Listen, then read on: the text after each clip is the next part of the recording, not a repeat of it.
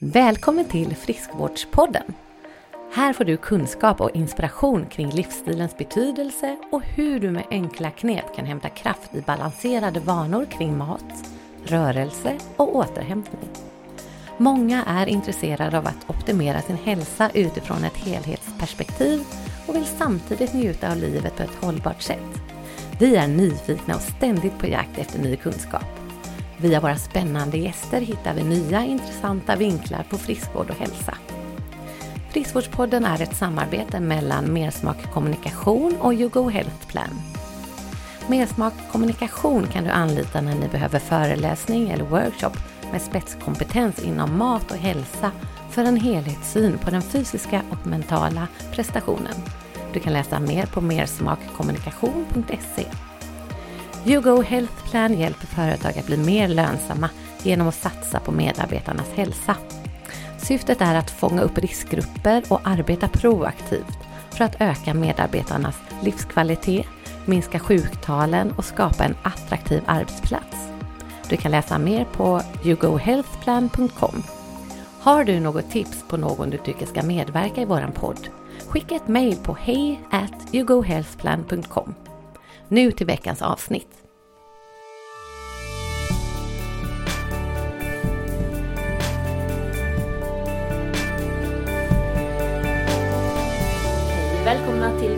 Till Friskvårdspodden. Nu är vi tillbaka igen. Ja, ny vecka, nya möjligheter. Precis, så är det ju. Eller ja, vi sänder ju detta på fredagar. Ja, Men- men, vi är, Ni med- vår, vår vecka har varit innan. På något sätt så är det alltid veckan innan ändå. Ja, precis. Så Väldigt är det ju. Det blir lite konstigt, ja. Ja. Och vi är ju alltid så här uh, outar att idag har vi haft en gäst och sen tar det liksom två veckor innan de, den kommer ut och Ja. blir lyssningsbar liksom. Ja, det blir lite konstigt för man är lite igång på den gästen och sen så glömmer man av den till nästa gång. Och så, ja, det är lite förvirrat liv man lever. Precis. Men Och det är så livet är kanske. Det händer ju så mycket hela tiden så att det känns ju som det var ganska länge sedan som vi spelade in förra avsnittet som nu inte ens är publicerat än. Oj. Så ja, ja. Ja, ja. Så kan det vara. Mm. Vad har du gjort sen sist då? Men jag eh, tänkte på det att eh, ja, men de här vanliga grejerna gör man ju som... Men jag, i helgen har jag varit eh, hundvakt. Två hundar. Och det är ju skitbra för att jag tror att jag fick ihop eh, 21 000 steg på söndagen genom alla promenader och då hade jag inte, tränade jag faktiskt ingenting med det. Men jag har haft också två olika hundar. Den ena hunden är så söt. Hon går snyggt. Hon, efter en timmas promenad lägger hon sig i ett litet hörn och sover. Så hennes Lite brorsa, återhämtning då? Mm. som typ är som en själv lite. Ju mer promenad, ju mer vill jag gå. Och helt galen och hoppar och studsar och äter och in i diskmaskinen och ute. Så att det är ganska... Ja men det är som att ha barn. Ett litet barn och en gammal dam då? Ja men lite så.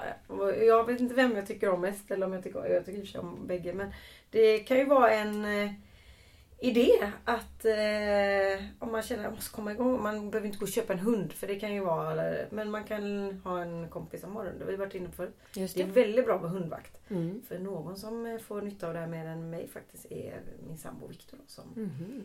ja, får gå på promenad i ösregn och grejer. Jag Precis. tror När jag är- jobbade på Viktväktarna så pratade vi ofta om att man skulle ha en, en typ låtsashund. Mm. Att man liksom, oavsett väder så måste man gå ut bara. Mm. Men jag, har- man kan säga att vi har låtsashundar för du men då är vi hundvakt för dem och så skulle vi bort på lördag kväll. Då fick jag ju lämna dem hemma där de, i sitt eget hus och så åkte vi till några vänner och käkade middag. Som hade en jättesöt hund och det tog ju bara en stund till jag bara om det reser bort någon då. Och man såg Viktor bara, men han, jag tror han gillar den hunden med. Så, Men det är väldigt bra. Mm. Och eh, barnen går ju inte ut med dem överhuvudtaget. Så då har man ju lärt sig att vi kanske inte ska ha hund i vår familj. Just det. Så kan det vara. Nej. Mm. Men vad har du gjort? Du har gjort det mycket roligt eller? Ja. Mm. ja, men Du har gått utanför din... Utanför min zon, ja Mm. det kan man ju säga. Alltså jag har ju egentligen funderat på detta ganska länge. Eh, men eh, fick lite motstånd för det när jag gick i typ högstadiet. Det är nämligen så här att jag sökte in till en kör då. Jag och min kompis vi ville liksom börja sjunga i kör. Och då visste vi liksom bara, kände bara till en kör. Så vi sökte in till den absolut bästa kören som fanns där i Lund då. Och den var ju, de, de är ju typ världsberömda liksom. Så att det var inte så konstigt att man inte platsade i den. Hade ju liksom, ja, aldrig sjungit i princip.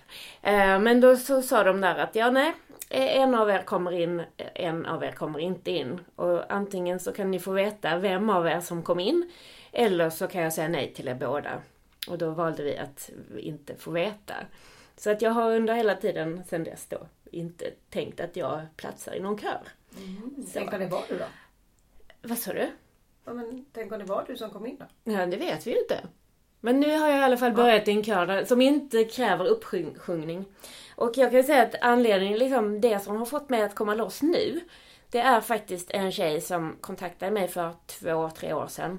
Som då faktiskt hade liksom just blivit friskförklarad från en cancer. Men hon hade en behandling som hon eh, ville ha hjälp med att hålla vikten under den hormonbehandlingen då.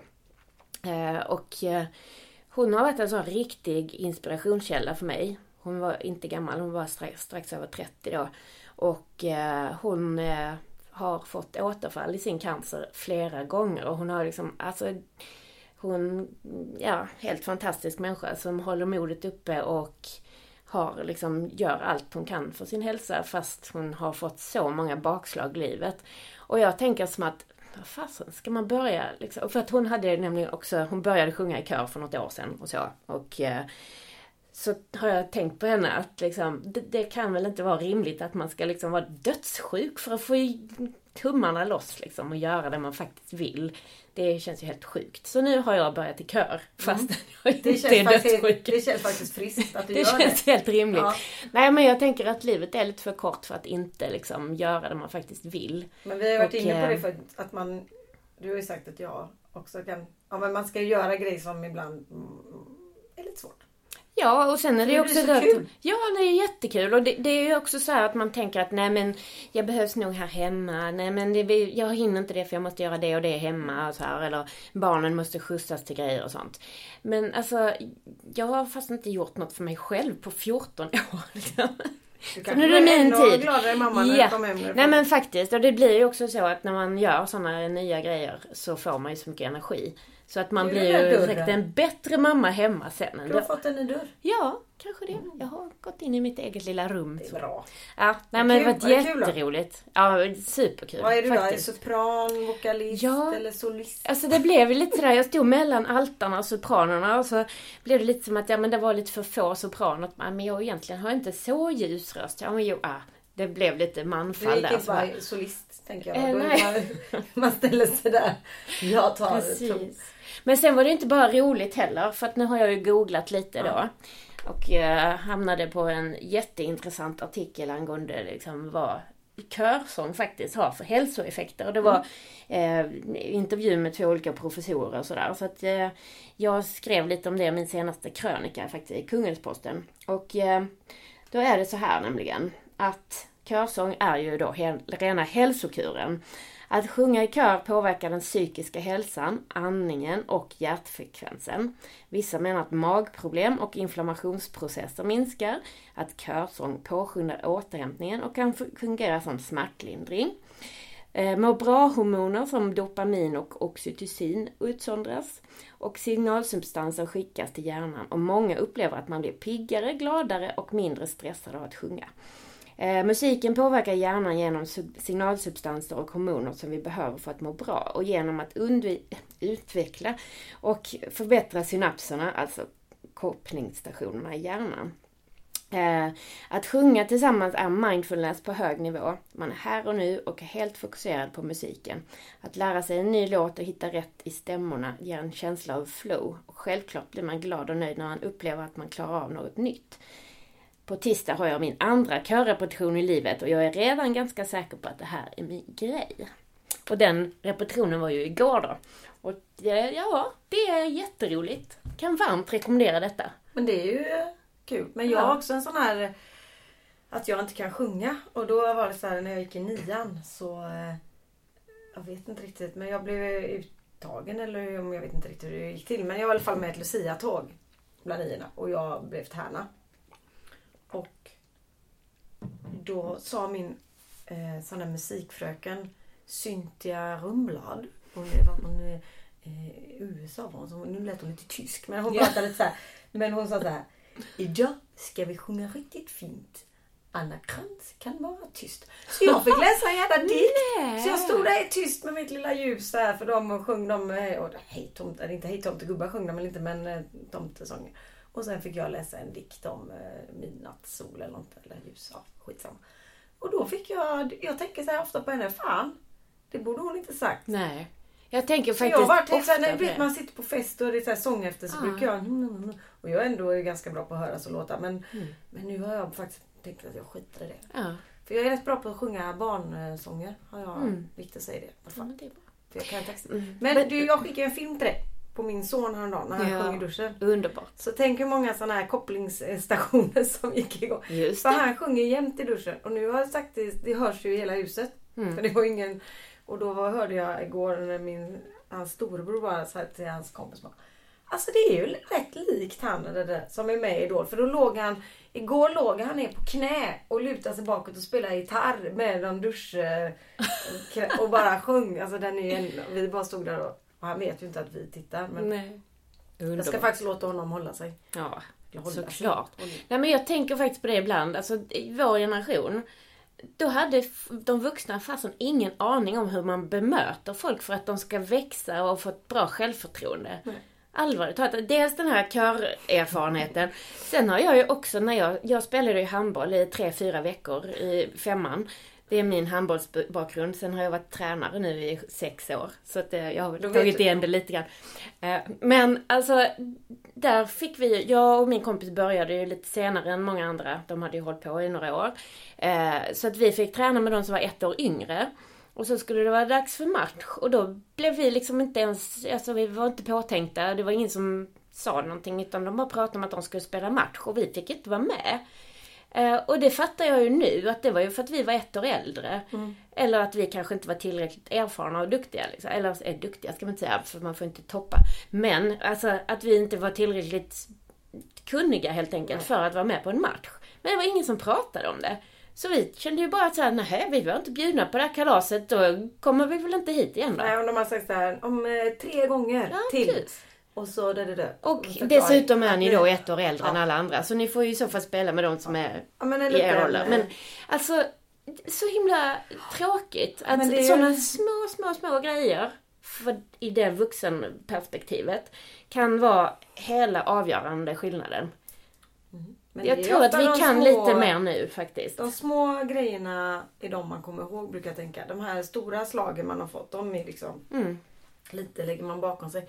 Men man kan komma på- ihåg sådana här små grejer som folk har sagt. Hon eh, Cynthia Romblad. Alltså jag kan verkligen, vad fan tänkte hon? Mm. Och nu det handboll eller det kan ju alltså det är inte bara en grej man har fått men den är ju väldigt så här, och sång är ganska och sport kanske så här eh, lite känsligt. Mm. För det... Att man var dålig i matte, det sa han säkert också. Men det tog jag nog lite mer med... Jag vet att jag tycker det är tråkigt. Men jag Mm. tänker lite nu när man har barn också hur man säger det för att de ska... Ibland kanske man också måste säga sanningen som förälder men det är inte så kul att höra från någon annan. Nej, och jag vet en annan sak. När jag kom tillbaka med någon, jag säger efter sommarlovet i sjuan tror jag. Så säger gympaläraren så här, en kvinnlig gympalärare, så här, typ inte inför alla så, så att det var liksom lektion, men ja, det var ju inte bara hon och jag i rummet. Men alltså, sådär, jag tycker du har blivit lite rund både bak och fram. Ursäkta? Ja men det är en sån grej som verkligen kan, det kan ju göra en människa anorexisjuk Ja. i två Men jag tror decennier att vi hade framåt. en handbollsspelare eller handbollstränare när vi var på högstadiet som sa det till liksom ett kollektivt att ja nu tjejer nu bara, ni ser lite runda ut för man börjar få lite tutt. Och det var ju så jävla pinsamt så. Och han var bara tre år äldre än oss också. Mhm. Så vi höll ju på att typ Men gud. dö. Nej man får tänka lite på vad man Nej säger. men faktiskt, herregud. Konstiga grejer. Ja, men idag har vi ju en gäst här som vi snart ska släppa in i studion. Ja och vi har ju ingen aning. Nej, det är ju Lindas kompis Och från... jag har ju eh, pratat med honom i telefon och ja. det är ju en maskin. Okej. Ja, men han pratar så mycket så inte han pratar mer än vi. Vi Men det är möjligt. Ja. Ja. Ja. det är ju Lindas Ja, kompis från eh, Sankt Jörgen spa då. Mm. Eh, han var kock där och Precis. öppnade den här råfodbaren som heter, heter den Juice? Ja, jag tror det. Något. Ja. Han kommer säga Och jag läste ju lite på hans hemsida. Han hade ju haft en lite historia med att han har liksom... eh, varit typ fast i någon slags dataspelsvärld så innan Ja, han som är en värld som lämnade vi det. inte ens fattar. Nej, men det är väl det som gör att man blir så himla arg på barnen ofta. Mm. Att man liksom bara inte...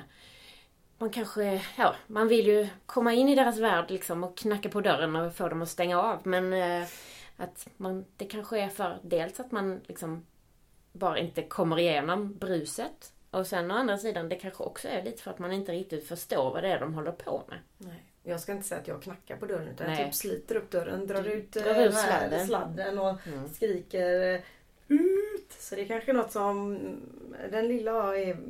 Alltså, fast han har börjat lite nu Nalle för han har kommit på att han har ju inga kompisar som mellan skola och träningar för han så är det ju någon liten lucka där och då är han, han är ju lite rolig för att då har han ju tagit över Olles eh, grejer. Konton och sånt. Ja, ja visst. Så Oj. han är inne på Ello Gaming. Olle bakifrån blir Ello. Så att han spelar ju då med Olles kompisar. Och De bara där- tycker att så Olle har en dålig dag Nej, idag. han sitter och skriker bara Wilmer, Wilmer, Wilmer, ge Och då vill han att han ska ge honom typ eh, vad det nu är. Alltså, på något sätt låter det ändå rätt roligt. Och sen så har han väl bjudit in till något party. Då är det hans kompisar och då hör man han bara. De tror att det är jag. Så sitter Olle där och så får han... Alltså det, det, det är ganska roligt att lyssna på. Mm. ändå. Jag förstår. Ja. Mm. Men eh, jättekonstigt. Men det finns ju faktiskt mm, saker man skulle kunna... Alltså erfarenheter därifrån kan man ju faktiskt använda sen i the real life också. Mm. Jag pratade med Viktor lite i telefon som han heter som kommer om en liten stund. Och Just då det. var det verkligen eh, eh, att... Eh, nu tappade jag tråden för det ringde. Eh, jo, att det han lärde sig där var att sätta ihop team och hur man...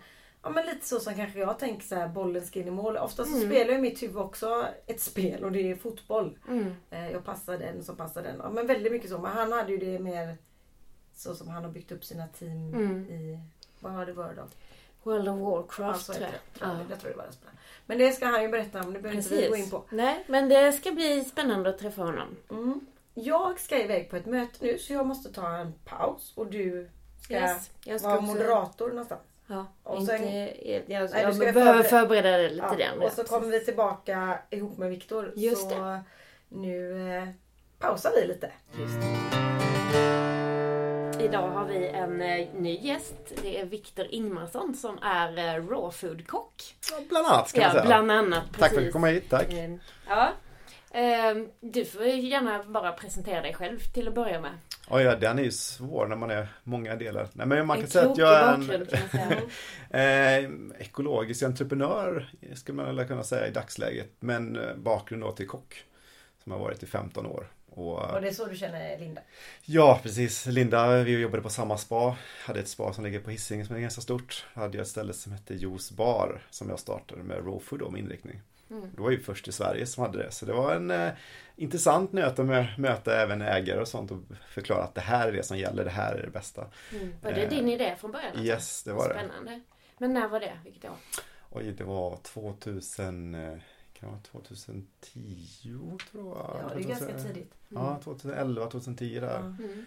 eh, startade vi det. Mm.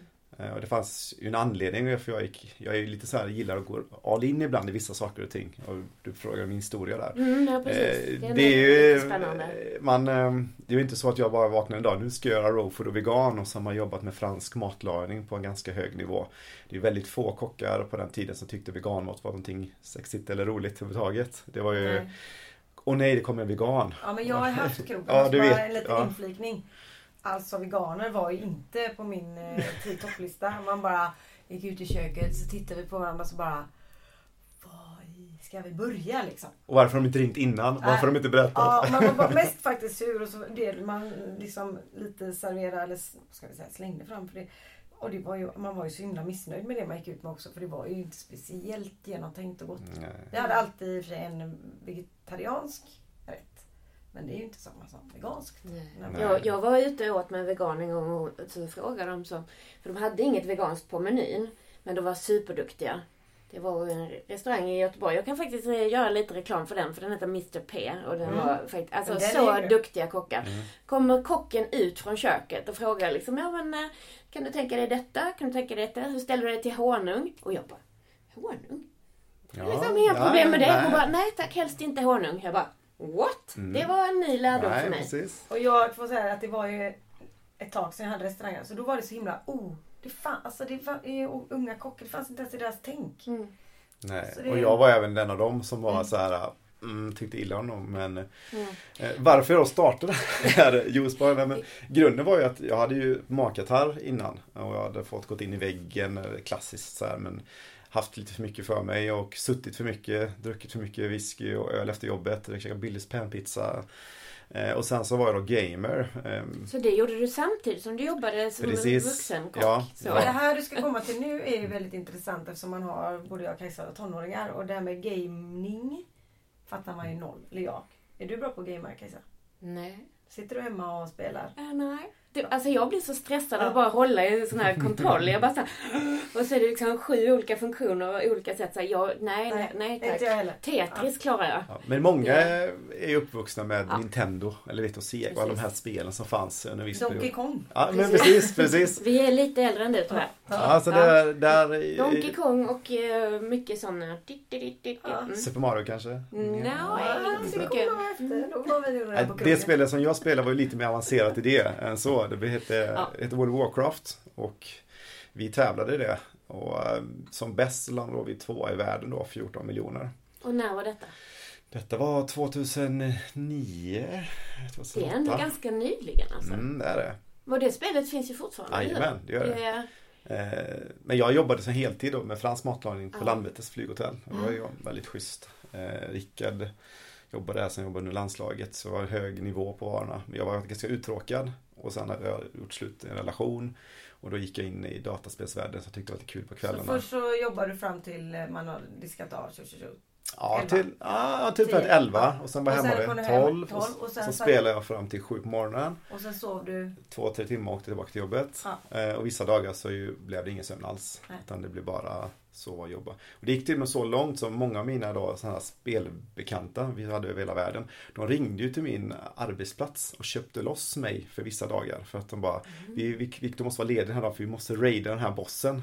Och det blev väldigt awkward stämning på mitt jobb. När de sa, Ja. Victor ringer folk som vill betala oss pengar för att du inte ska jobba här idag. Eh, är det, vad är det du gör på fritiden? Och jag försökte förklara och det blev ju inte- ingen Jag kan tänka mig att Rickard då som var efter, han är också kanske som i min ålder. Han kanske inte alls var i den... Nej. Nej, det blev väldigt roligt. Men, eh, och jag blev ganska trött på det. Jag gillar ju att göra saker all in och så blir jag klar och så börjar nästa grej. Och, sådär. och det var även klar med det hotellet så jag tog ett jobb på Sankt Jörgen. Eh, som var då ett spahotell i stan som inte hade den typen av mat alls som alla andra span har idag. Utan då på spa förr så var det hamburgare, bärs och man gick och Mm. badade i bubbelpool. Det är spa ungefär, under för länge sedan då. Eh, och då eh, så började jag jobba där och jag gameade lika mycket. Och jag fick, min magkatarr började bli värre och värre och till slut så blev jag sjukskriven. Jag kunde inte ta mig upp ur sängen och sådär. Så jag blev liggandes och då började jag utforska vilken typ av mat är det som kan ta bort detta. För jag fick ju massa tabletter jag skulle käka hela tiden. Alltså jag kunde inte ihåg vad de heter, de pressade på eller, eller det heter något sånt där. Eh, och, skulle hjälpa, och det, det hjälpte ju stundtals, liksom absolut. Men jag kunde inte, åt jag inte dem så blev det, det var ju inget svar på det. Det var ju mest bara, så då kan det funka. Mm. Och då började jag prata med bekanta, många backpackers som jag kände liksom. Och, och alternativmänniskor som höll på med något som heter yoga, hade hört talas om det, och meditation. Eh, vad, är som, vad kan man göra för att få bort magkatarr? De bara, ah, du ska meditera, du ska göra yoga och du behöver äta mer grönsaker och sluta äta kött och inte dricka alkohol. Det var ganska många grejer som jag gillade. Eh, Och spelandet. och spelandet, det sa de sig inte så mycket om då. Utan det var framförallt att man ska röra sig och sådär. Eh, Men jag kände att också att mina pengar började försvinna. Jag hade lagt undan en del men eftersom jag inte kan jobba längre började det krympa. Så jag tänkte jag måste göra någonting. Och tog då rådet av en bekant att eh, åka till Indien. För där finns det mycket vegetariskt och du kan lära, lära dig ma- vegetarisk mat. Får jag bara fråga en lite? Så Ja. Tjänar du pengar på att ha sån game? Ja, Ja. gjorde jag. Mm. Jag tjänade en, eh, vi tjänade en hel del. Ja. Eh, Det är, alltså, det är inget negativt att med dataspel. Jag vill ändå säga, det är inte många som vill lyfta det. Men det kanske inte av rent hälsotänk ska jag inte säga att det är bästa delen att sitta ner på en stol och gamea. Men för många människor som inte är lika duktiga på att integrera socialt, att gilla så nära människor. Här får du en möjlighet i många stora virala spel där man är i olika världar och så här. Man kan prata med varandra, inte direktkontakt öga till öga. Men man lär sig ändå integrera, man kan ju teama upp tillsammans och lär sig att göra teamplay på en nivå som Idag blir det mer och mer vanligt att man stänger in sig bakom en burk. Eller man gör mer, hänger på Facebook eller något vet, sådär va. Och detta är ett sätt att integrera och göra saker faktiskt tillsammans och klara dem till att vara glada efter det. Men du pratar lite om att man nästan är som team och man, ja, som du liknar lite med en fotbollsmatch. Att Ja man har olika människor till att vara olika bra. Så det är ju, det är ju bra om man ska ut i världen sen. Och det skulle jag säga har varit en jättenyckel. Alltså de bolagen jag driver idag som råvarubutiken som vi pratade om innan som är Så ni gärna får gå in och handla på. Det är någon annan butik eh, om ekologiska råvaror. Vi importerar med massor. Och den gruppen människor jag rör mig med nu från olika nationaliteter. Vi har nog åtta olika länder som representerar vårt företag. Och det är olika kulturer och även de köken jag varit i när jag har drivit och projekt och sådär. Grunden ligger så ledarskap har ju varit i dataspelet. Utan tvekan.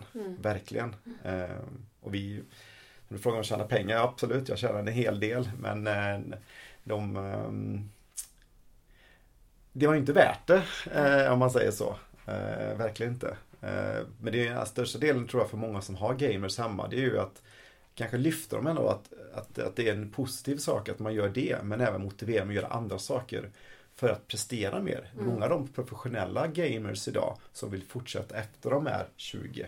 Typ som jag är inte jätteung, eller ja, jag är 35 nu imorgon faktiskt. Ja. Eh, för att hålla fokuset. Så många av dem har lagt in sport på schema. De tränar på morgonen, de tränar jättemycket för att ha hjärnan aktiverad när de väl är medvetet på spelandet då. Det har Så- ju varit ganska mycket faktiskt om det på Mm. mjölkförpackningarna nu Ja. det senaste. Alltså, Alltså, så här tränar han liksom och så för att eh, just med fokus på hjärnan då. så det är jätteviktigt att ta den delen in istället och inte bara det här ut och rör på dig, stäng datorn utan för att prestera bättre istället.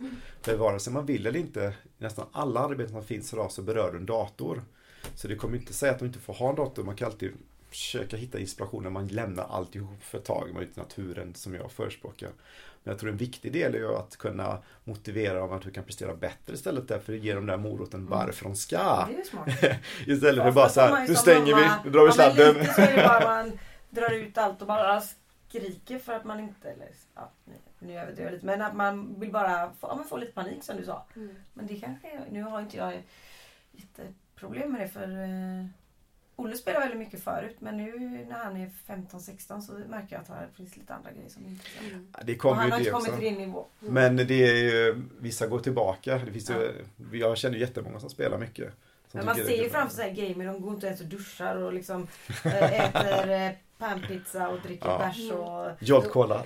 vadå, tjocka så här och det, det Och vadå gå ut? Jag kan ju öppna fönstret. Ja, liksom. liksom. Vad är problemet? Ja. Nej, det är, för det är ju många aspekter som gjort att jag lyckats driva de företagen jag har. Dataspelet är ju jätteroligt att lyfta upp. Mm. Men det är också orsak varför jag fick min magkatarr. Så att, att äta nyttigt och röra sig, det var ju ohållbart att vara på den nivån. Och det vet ju väldigt många gamers om idag.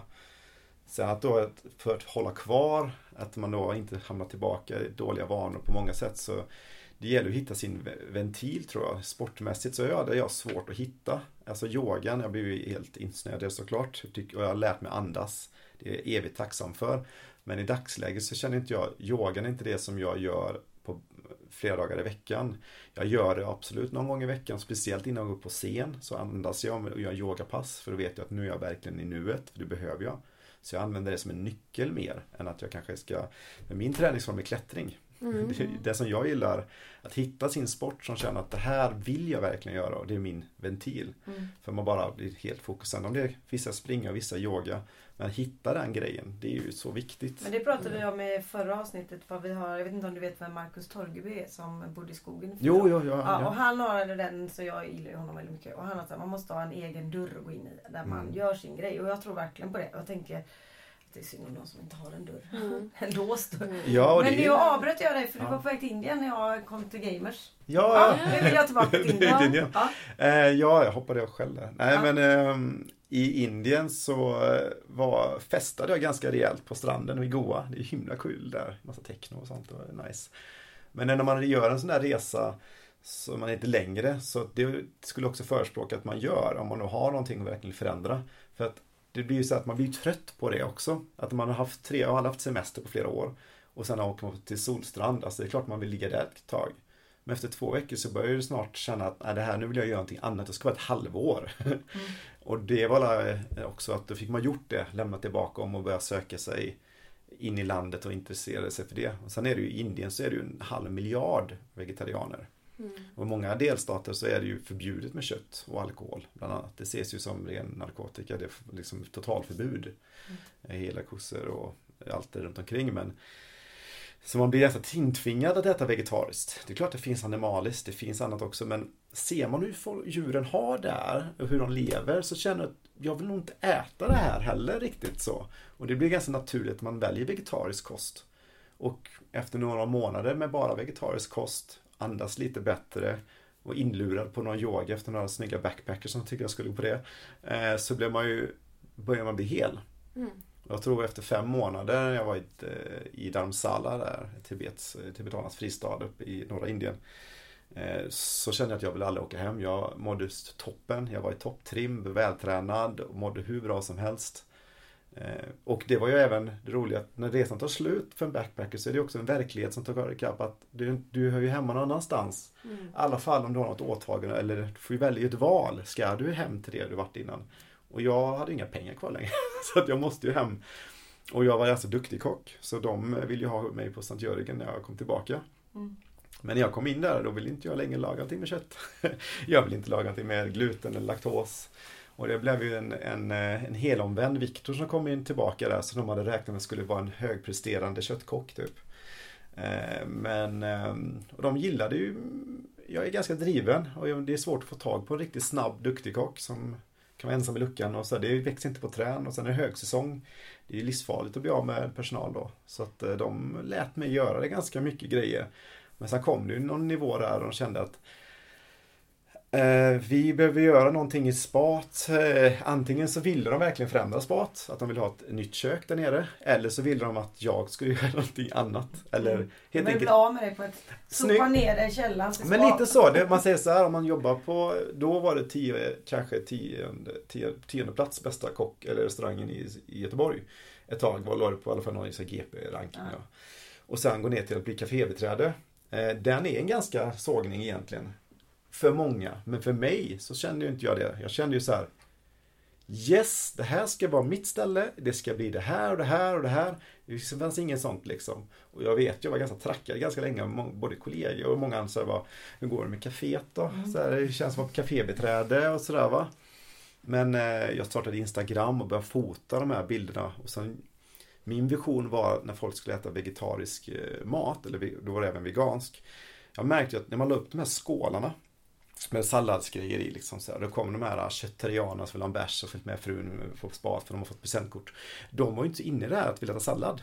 Eh, och de såg de här högarna av nyttiga grejer. Vegan, glutenfritt, bla bla, animal free. Det var ingenting som de tyckte lät så trevligt. Eh, utan de pillade lite i detta. Men vad är maten då? Jo men det här är maten. Det här innehåller det här och det här och det här. Gick inte in alls. Eh, så jag fick ju ändra om lite grann och tänka om. Så jag, började dekorera maten och, snöade in i dekorkonst. Du är rätt bra på snö. Ja. Du är lite florist lite. Ja men lite så. Linda vet mycket väl om eh, hur det ser ut. Hon har berättat lite. Ja. Eh, då skapade jag stora konstverk som påminner om Alice i Underlandet om maträtterna. Och då blev det plötsligt att folk blev väldigt intresserade av hur det såg ut. Och bara, men vad är det här? Bara, men det här är... Då undvikte jag att berätta alla farliga ämnen för många. Grönkål var farligt för många att höra i början. Så det här är sallad eller en kål. Eller så kortar jag ner lite grann istället. Jag skall, kallar det inte för vegan, utan jag kallar det för salladsbuffé. Jag tar bort alla trendnamn som är idag, för då mm. var de inte då. Nej. Och sen så gjorde jag faktiskt att jag erbjöd eh, lax eller, eller någon form av fisk varje dag på menyn en liten, liten bit som varit marinerad, som var som, ja, lagad i ugnen eller sådär. Som var längst bort av buffén. Så de frågade de här, kom in och frågade, vad är det för mat idag? Ah, idag har vi en fisk. Bla bla bla, okej okay, det är fisk idag. Mm. Och så tar de en salladtallrik som är ganska stor och börjar plocka på sig av alla grejerna. Sen när de väl kom till fisken, det var inte så mycket kvar på tallriken, så tog de den här fisken. Men då kände de sig trygga. Mm. Jag hade min mat. Du mm. vet och så. Smart. Och samtidigt så började jag då lägga upp på Instagram med landskapen. Och då blev eh, jag blev ganska känd på Instagram. Och det kom folk från hela världen som bodde på Spat. Och min restaurang vann ett pris och jag var omnämnd väldigt många tidningar. Så då blev det lite att folk fick eh, på nosen av de som retade mig från början. Det var en stor morot där liksom. Ja, precis. Det är en nudging på hög nivå. Så det är dela en liten författning hur jag hamnade där jag är idag då. Precis. Men jag, för jag funderar på detta med hur kom du ur det här gaminglivet? Var det Indienresan som liksom Ja, det bröt är dåligt. det? Ja, det, det var ju Dålig uppkoppling där. Yes. Men kom du liksom, följde tillbaka i det sen när du väl var hemma i Sverige eller? Alltså jag måste ju ändå säga det att när jag sitter uppe på nätterna med min Love, som nu han ju 10-11 månader. Innan så var han ju lite mindre. Mm, och så. mamma ska sova och jag, eh, jag har mycket energi så jag behöver inte sova lika mycket. Och har inte han på dagarna så jag sitter på natten två timmar. Han sover bara när han ligger på mig, inte när, på något annat sätt. Absolut att ta fram ett telefonspel, det kan jag erkänna. det, eh, för allt annat väcker honom. Eh, så det är klart att det blir några som har luckor ibland av de skälen.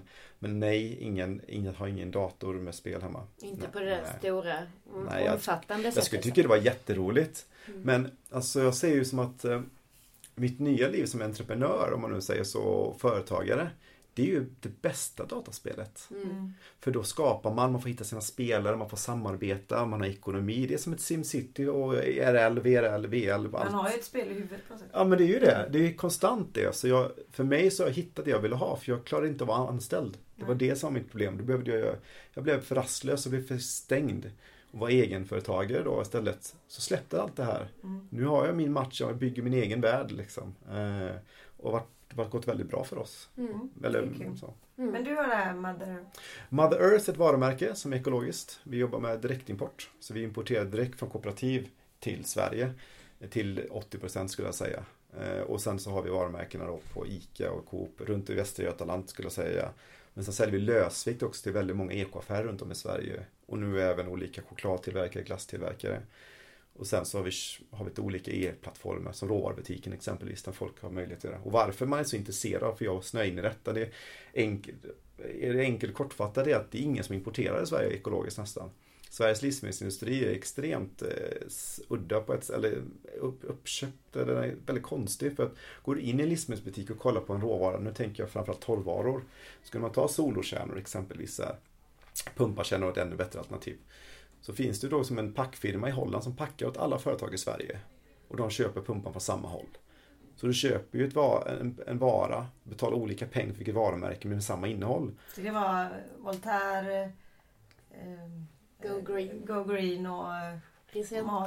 Ja, Det du, du, jag ska inte säga vilka och varför Nej, och nej, exakt, så nej. det kan inte jag ställa mig bakom. Men Nej. jag kan säga att det finns de flesta större varumärkena i Sverige som finns på varenda butik om man säger Mm. så här har kanaler där de köper från samma håll. Mm. De människorna också som gör detta, de vill gärna visa upp det i en katalog när man går på mässor utomlands och säga det här gör vi åt de här svenska företagen, vill inte ni gör också? Det blir mycket billigare för er. Mm. Eh, och det då handlar det bara om, som vi svenskar som är så dumma, vi vill ju inte, sk- skiter ju vad som är i saker och ting eller hur bra saker är. De vill köpa ett märke. Mm. För man känner att jag har förtroende för och så känner man sig bra. Jag köpte det här märket, det här var bra. Så. Men vad vet vi egentligen? Nej. Ringer du till mm, något märke med, som är blått och har någon sån liten eh, japansk krigare på. Ringer du till deras kontor och frågar vad odlas den här? När var den skördad? Det jag kan lova dig, det finns inte någon som kan få ett svar. Och när jag skulle spela in en, en, tv-serie med fyran vi håller på att arbeta med för ett tag sedan. Det var ju grunden varför jag också nu är där idag. För att vi hittade ju inte någon tillverkare i Sverige, eller kaninöron tillverkare. Mm. Utan mer en som förmedlar råvaror från någon annanstans. De kan ju inte berätta var de har växt någonstans. Utan de kan bara berätta vilket land. De har ingen search bakåt. Det finns inget lag på det. Mm. Kollar du på en förpackning så står det inte när det är skördat. Finns det ingen lag på när det är skördat. Hur länge tror du majs håller? Oskalade hampafrön, hur länge håller de? Mm. Det är inte två Du år. Det är 8, 9, 10 år de här håller. Men vi har en lag i Sverige att man måste sätta max två år när man på Livsmedelsverket. Typ så här, när det lämnar en lokal som haft det på lager. Eller ja, det, eller det står när det håller och så vidare. Eh, det är lite runt omkring i lagar runt det där. Men det står inte när det är skördat. Nej.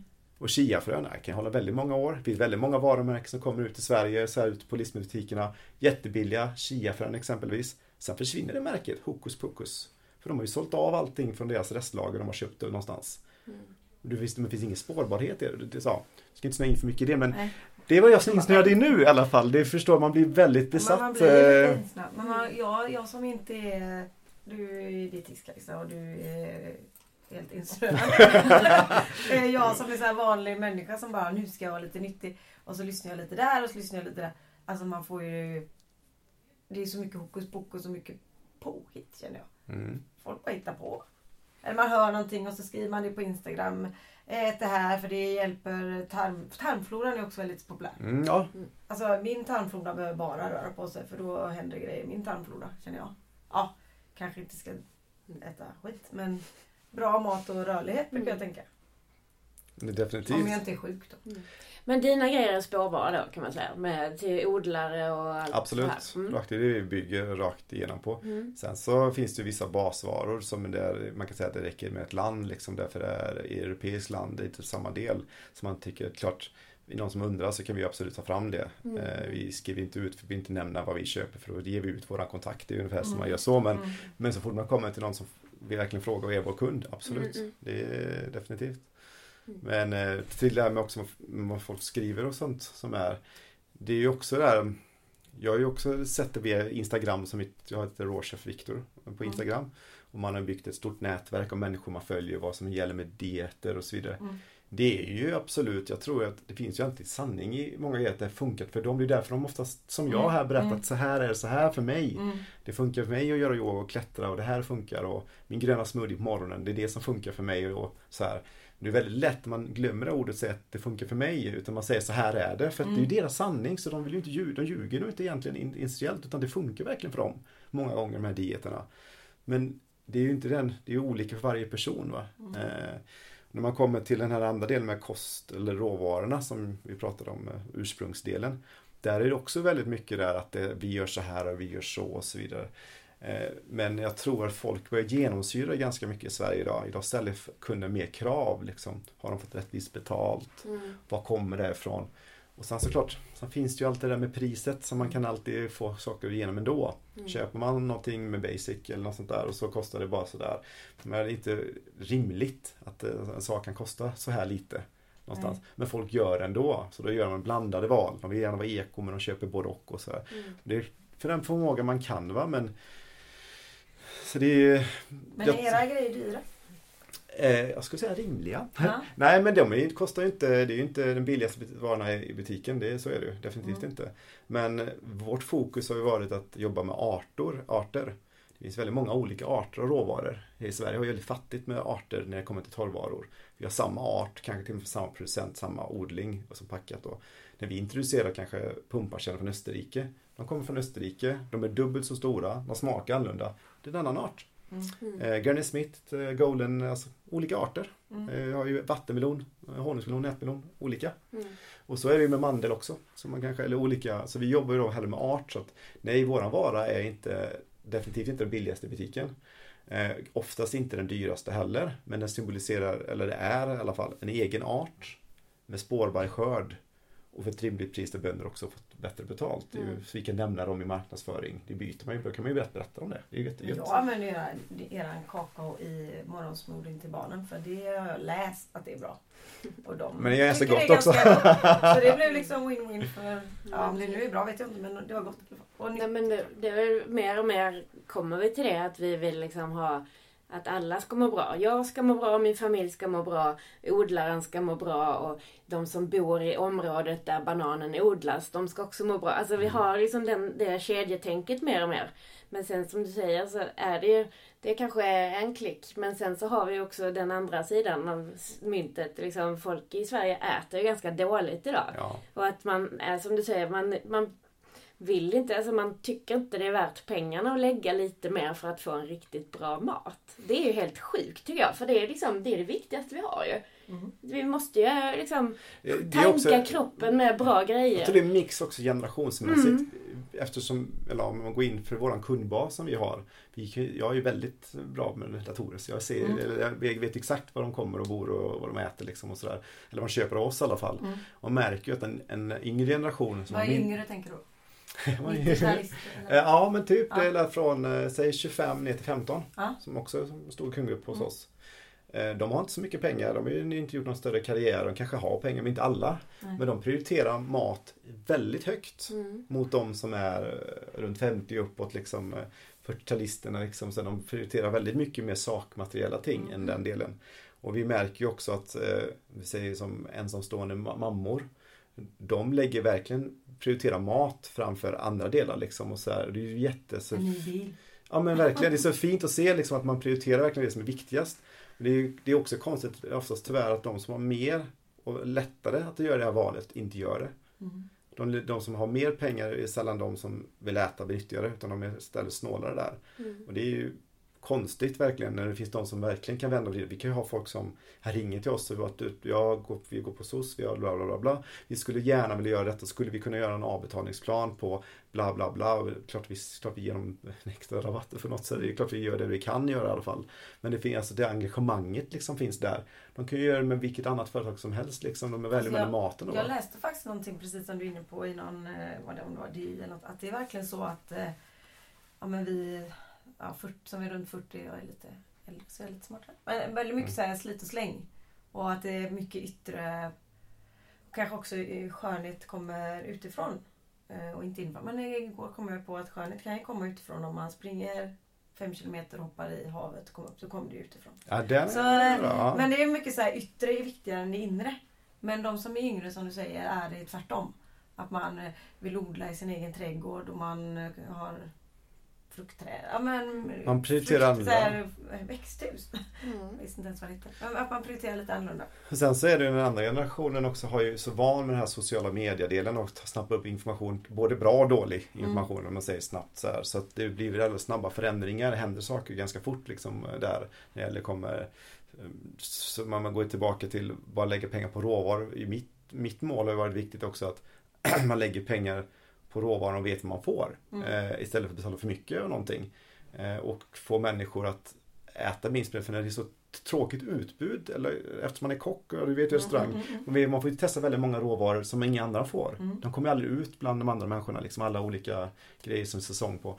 Och med torrvarorna så är det ju där också, att typ, typ som vildaprikos eller man, det finns, finns ju inget, alltså det finns, så många, det finns så många arter av grejer och vi är så fattiga på det här hemma i Sverige. Så jag tror, skulle vi bygga ut, bredda det lite mer så skulle nog folk tycka det var lite roligare också när de äter någonting. Men, ja, men jag tycker inte om den här mandeln. Fast den här smakar faktiskt helt annorlunda. Eh, skulle det som, jag gillar inte, jag är inte jätteförtjust i, i honungsmelon. Jag tycker den är för söt. Men jag tycker ju om vattenmelon mycket. Det är ju väldigt olika. Mm. Och det finns sådana stora skillnader på väldigt många torrvaror också som är helt annorlunda liksom. Du har ju kakao, där finns det ju massor med bönor. Och kakao är ju supernyttigt. Liksom. Men om man bara går tillbaka till restaurang så köper man behöver lite säkra kort där för att det handlar ju om pengar in. Ja. Så när man har haft restaurang kanske man vill, vågar inte börja modellera i eh, mitt i, om man tar, man måste ju ha en plan då. Så därför blir det den här vanliga maten som man bara, för folk vill ha det. De tittar så här, det de känner igen, det köper Ja. man.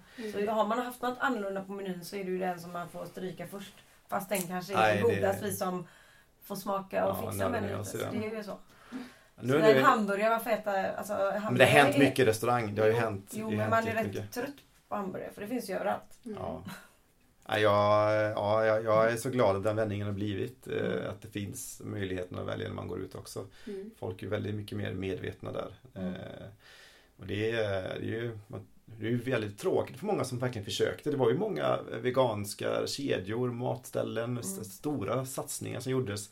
Har gjort varje femte år ungefär. Mm. Men solrosen eh, lever kvar. Ja, det gör det. Det stämmer. Det stämmer. Det är faktiskt Magnus som har byggt vår plattform. Hans eh, pappa tror jag som äger den. Och han bara, den är ju kanske ska låtas till lite brukar han säga. Den har legat där hur länge Ja, sin skärm den är så Ja, men det är så. Ja, precis. Ja. Men hur äter du idag då? Ja, idag, det är en bra fråga. Jag äter tyvärr inte lika mycket raw food som jag hade önskat. Nej. Eh, Det hinner jag inte med att göra för det finns, det finns utbudet när det är ute. Och då tar jag oftast till den vägen. Men min, eh, man måste ju alltid ha någon sån här kiva och för mig så Jag har ingen rör min gröna smoothie brukar jag säga. Den, är, den gör jag gärna på morgonen. Så då i min gröna smoothie så är det avokado, grönkål, absolut koriander, eh, mango, ingefära, eh, någon banan, lite mango, kanske så, limeblad, eh, vatten, hampafrön som är skalad. Det är ganska många ingredienser men, Men det är om väldigt... du är på hotell då eftersom du reser en del? Har du med dig allting? Jag har med mig, ja jag har Ja. med mig faktiskt den här. Jag har termosar eller så här, Ja. och den blir inte bäst, den blir inte bra dagen efter. Men när jag är i Stockholm jag ganska mycket, där kan man köpa gröna smoothies på Mm. morgonen. Den blir inte alls lika bra som min såklart. Men eh, den blir, det duger. Ja. Men oftast, det, det, tanken är att så länge man bara börjar med den så gott som nästan alltid. Så dagen kan gå ut för sen med alla olika möten man har. Man, jag dricker även kaffe ibland liksom och sådär. Det blir eh, man kan ju svårt att hålla sig till att vara extrem och verkligen för man blir så stressad att man hittar ju inte det. Man kan ju inte alltid få tag på det och man får inte ihop det riktigt hemma och så massa matlådor och så funkar det inte om man har möten. Då blir oftast att man tar mat på möte eller man mm. äter tillsammans och sådär. Så att där kan jag i alla fall styra mest själv. Det är ju starten på dagen. Och det har funkat jättebra. Eh, för då, min mage håller sig lugn och jag är glad och, och sådär och mår väldigt bra. Och försöker träna så gott så ofta jag kan. Nej, trots småbarn och allt sådär. Men smoothien har varit en jättenyckel. Mm. Och då är det ju inte hallonyoghurt smoothie utan det ska vara riktigt sån grön full power. Mm. Men du äter kött och så också förstår jag förut? Ja, Lite grann? Ja, alltså det, ju, det är ju alla många olika eh, svår, svår fråga att säga att man gör. Jag har inte problem att äta det någon gång av olika skäl. Är det, det finns olika sociala aspekter som en, många som är veganer känner till liksom att det blir problem ibland i sammanhang, bröllop, det kan vara familjefester eller det kan vara något annat där man är den där problemet som mm. kommer och så. För den generationen är tyvärr oftast den äldre som inte är riktigt insatt i det. Och redan då är då, som jag, relativt känd kock inom det ämnet, för många i alla fall. Eh, så blir det väldigt stressigt när jag kommer på besök och det mm. blir jobbigt och det blir nästan det känns hemskt när man kommer på bröllop och det, blir, det, är jag, det är inte jag i fokus. Nej, Nej precis. Nej, men det är väldigt sunt Så då så jag äter det som bjuds. Mm. Eh, går ja, man, är, lite extra när jag är hemma hos mina föräldrar så äter jag på det som, det som bjuds. Men samtidigt så vet jag såklart om att jag inte äter kött mm. Generellt sett. Men om jag får i mig kött fem gånger om året av olika sådana här skäl så ser inte jag det att det är något jag dör av. Och det finns många veganer som hatar mig för att jag inte är det. Att jag inte, varför säger du att du är vegan då? Bara, nej okej, då är jag inte vegan längre utan jag förespråkar veganmat och lagar bara veganmat hemma. Jag jobbar med veganska produkter och hjälper att mer svenskar äter mer vegansk mat. Men nej, jag är ingen vegan. Eh, och så får det vara fine då. Mm. Men det är ju alltid man vill tillhörigheten. Mm. Det. det är väl lite jag tror vi svenskar är ganska extrema med det.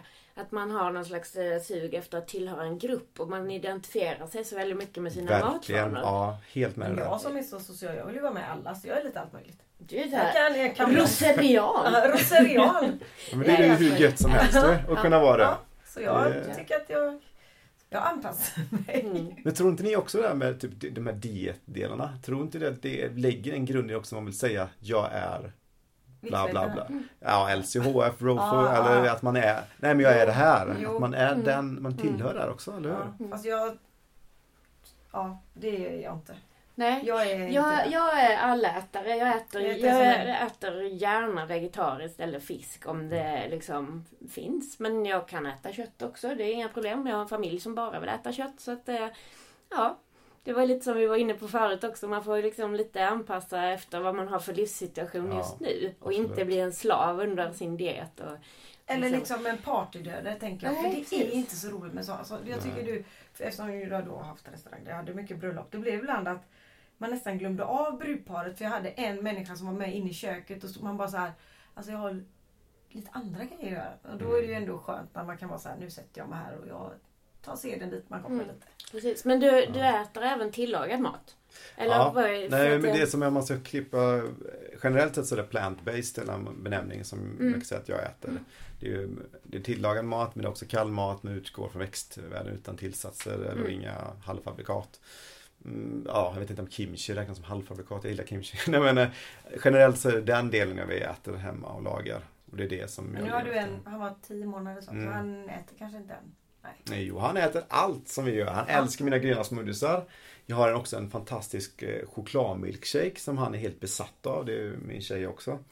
Eh, den, men den, det är inte chokladmilkshake som, ja, det, nej, nej, men det är kakao, mandelmjölk och sen så är det frusen mango. Frusen Kolla det här, banan. Alla, det är ju det här jag börjar med på morgonen. Ja, Än så länge jag, vad är Och sen eh, jordnötssmör. Ja, Eller mandelsmör. Ja. Och det ska ju vara inget, det ska bara vara ren mortlad. Det enda liksom. vi går emot där, och då, jag har sån naturell yoghurt i också. För de ska få lite ah. Ja men de är ju Ja men vet du har ju de olika mandelsmör eller jordnötssmör och sådär. De är ju ganska schyssta liksom på det sättet. Och sen har du ju ja, kakaon och ja, mandelmjölken. kakao, mango, hallon, mandelmjölk och yoghurt. Och banan. Och då är fruset eller? Ja. Ja, då blir det som glass. Ja. Exakt Men det är den här eh, naturella yoghurten vill de ha. Ja men det, det, det är ju ett schysst sätt att leverera någonting som oftast vi förknippar med dessert. Som man säger glass eller choklad. Kakao är jättenyttigt. Och i den här formen så blir det så när han, när han äter allt. Mm. Eh, nej, han är svårt för quinoa. Den, den, jag gillar ju quinoa. Mm. Eh. Ja men det är så här, men annars så allting som vi gör tycker han är fantastiskt gott och det känns än så länge toppen. men får se. eh, ja Mm. exakt, jag känner att det kommer en sån där revolt och sådär. Men eh, samtidigt så äter ju han, han får ju vä- välling och han äter ju gröt också. Och så är eko och alltihop men eh, Men har ni de produkterna er? Så här Välling tänkte jag på. Eller det är väldigt svenskt kanske? Ja, vi har kollat på det men vi, vi är ju ganska kräsna vilka artiklar vi tar in. Mm. Eh, och det är inte sådär att man eh, man kan bara göra som vissa andra, bara snabba in alla olika varor. Smack, vi har en butik, kom och handla.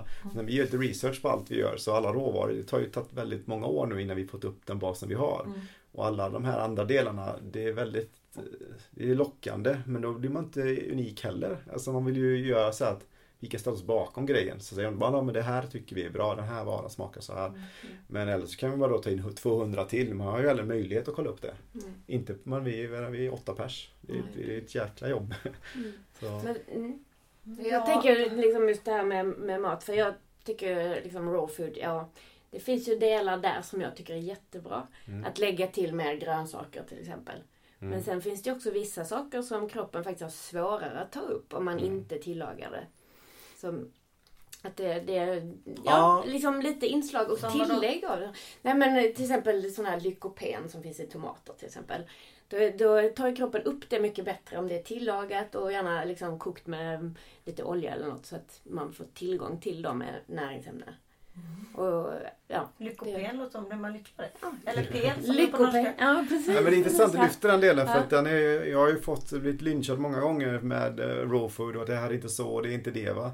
Men en stor anledning varför jag fortsätter med den delen, inte för att bara att det är nyttigt för mig som har jobbat med fransk mat och italiensk eh, i många år. Det är jäkligt tråkigt och man är sugen på något nytt. Alltså Mm. vilken värld att hoppa in i och vilka Mm. nya saker att lära sig, vilka nya sätt att leverera rätt Mm. mat på. Det är ju att det är väldigt roligt och det är ett nytt sätt att uppleva grönsaker på. Mm. Som man kanske tänker, men rå broccoli, broccolistjälk, alltså som jag kallar för filén. När man gör det, lägger vatten och skivar. Är som chips och supergoda verkligen. Man har aldrig tänkt på broccolistjälken när man jobbar på restaurang annars. Den brukar man nästan ta bort och lägga till någon grönsakssoppa. Det är där det nyttigaste finns. Men Mest exakt. C-vitamin i stjälken. Så jag tror att det är klart att det finns, det är det ändå med olika, att det finns en sanning i olika dieter och vad som är vad. Jag tror definitivt att allting är raw för det är inte det ultimata. Jag tror för vissa människor så funkar det fantastiskt bra som lever på olika platser i världen där det verkligen är, de kan bara ligga på leva, dricka födan enbart och det funkar hur bra som helst för dem. Men generellt sett så tror inte jag det är det ultimata. Utan man får ju blanda lite, man får ta det bästa av olika delar och jag tror att plant-based är konsamlingskonceptet men att blanda in mycket raw food-rätter i det och olika speciellt tillvägagångssätt att hantera maten på. Hur man kan göra saker och ting bli mjukt, hur man kan ha en del raw food, en del inte. Men det är ett helt nytt sätt att kunna leverera rätter på tallriken. Mm. Eh, och är man någon på stycken, om det kanske singelhushåll är svårare men med flera så kan man ju ha olika, olika projekt man gör. Torkugnar, göra bröd och allt det här liksom. Det finns ju jättemycket. Men som du sa med tomaten, där är det ju att menar, rå tomat, en rå tomat eh, gazpacho eller så här, den smakar ju fantastiskt på det här sättet. Den tillagad smakar på ett helt annat sätt. Mm. Men det är ju, människor vet ju ibland inte om att det finns två olika sätt en råvara kan smaka på. Så de går ju miste om hälften av alla smaker som de har hemma i grönsaksvärlden. Så jag tror att för att få inspiration och få nytändning på grönsaker så tror jag food är en fantastisk eh, sätt att laga mat på. Men jag kanske inte tror på att det är det som man ska göra enbart. Men eh, man får ju mycket upplevelser liksom. Mm. Ja men verkligen. Men vi kan ju prata hur länge som helst. Eh, Men då tänkte Ja, ja, jag, sorry. du har ju, nej, nej, det är ju jätteintressant men eh, allt roligt har ett slut. Eller så. Ehm, du har ju, jag, eller vi fick ju se en fin kokbok så man kan titta i dem om man vill komma på de här tipsen som Ja. vi pratade om med eh, raw food och hur man gör. För det, när man satt och bläddrade är det väldigt mycket fina färger och man blev ju inspirerad att börja. Och då ju, tänkte jag ju herregud vad mycket ingredienser. Men när jag började att analysera lite som jag är så dålig på. eh, så var det ändå ganska många grejer som var återkommande. Så man kanske inte behöver köpa 500 nya produkter Nej. utan det är ganska mycket. Och man hittar ju sina favoriter. Och så. Jag tror också det lyfter min, ja men inte Grön kärleksaffär, min kokbok. Mhm. Finns kvar några ex ute i butikerna men eh, det kommer nog komma Typ fler. Ica då eller? Eh, den finns på eh, vet du, Akademins bokhandel Ja. och lite olika internetställen sådär. Mm. Eh, men den, den kommer även komma nytt tryck. Men det, och vi vi Ja. mycket reklam den. Men i min bok, som du också sa, så ser man det här ser lite komplicerat ut det här receptet. Mm. Man ser att det kanske är många ingredienser man inte känner till. Ett bra tips när man vill börja med ny mat, det är att titta på Läs inte ingredienserna, läs vad du ska göra om du ska bestämma dig om det är komplicerat eller inte. För oftast är det ganska enkla moment men det kanske är nya varor för många. Mm. Eh, och jag har en, eh, det kan, kan jag reklam för då, Nej, men jag har en YouTube-kanal. Det är ju ganska Mm. Ja. trevligt. En som heter Viktor Ingmarsson. Den har inte 300 miljoner följare men den har... Inte än, men efter Men- det här ja, exakt, exakt. ute. Nej men där har jag typ en 30 recept eller 35 eller någonting jag visar hur man gör. Och då Mm. märker man, när man läser man ingredienserna så ser ni nästan själva, det där ser komplicerat ut men när ni ser hur enkelt jag gör de här grejerna, blanda två grejer, gör en enkel mix bara. Så kan ni inte bara se att min- mat är den bästa, det är inte det det handlar om utan ta med er det till andra böcker ni läser inom hälsokost och Mm. kanske vegetariskt. När ni tar en satsning och testar liksom att skrämmer inte av ingredienslistan utan hur ska jag verkligen göra det istället? Och då är det ju sällan jag tror att ni kommer känna att det här kändes svårt. Mm. Det kan man ju avsluta med. Ja, Ett tips från eh, Raw Food. tips från Coachen. coachen. Mm. Ja. Nej men jag tänker, jag tar ju verkligen med mig det här att börja med grönsakerna och där längst bort där finns det som de flesta kallar huvudrätten då. Mm. Det är lite så du börjar också dina middagar hemma. Mm. Täcka tallriken med grönsaker först och sen får ni mat när ni har ätit Mm. upp det där. Nej men det, det jag lägger upp det redan när de kommer ner. Broccoli, Ah. ärtor. Och sen så kör man på den då. Mm. Ja, Jag det- brukar köra tävlingar med mina. De liksom eh, kubar upp eh, grönsakerna. Så här, morotsbitar och äpplebitar och broccoli och allt vad det är. Och så kör de sån här, kasta upp i luften och fånga med munnen. Mhm. Då kan man få i sig mycket Det grönsaker. kan man nu. Det är bra Det är som- tips. Vi har många tips. Ja, Mm. Men eh, Ja. du ska iväg på ett supermöte. yes. Mm. Jag ska iväg Spännande. till en eh, kedja. Matkedja som kan vi prata om. Mm. Och vad extra ska du göra? Nej, Jag har lite förberedelser inför ett moderatorsuppdrag som jag ska göra nästa vecka. Titta. Så det blir spännande det också. Så, Fullspäckad dag men Jajamän. himla kul att vi kommer hit Ja. och att vi kunde få ihop det. Kul att träffa Tajta dig. schemat och allt. Ja, Ja. absolut. Tack så mycket. Tack, tack.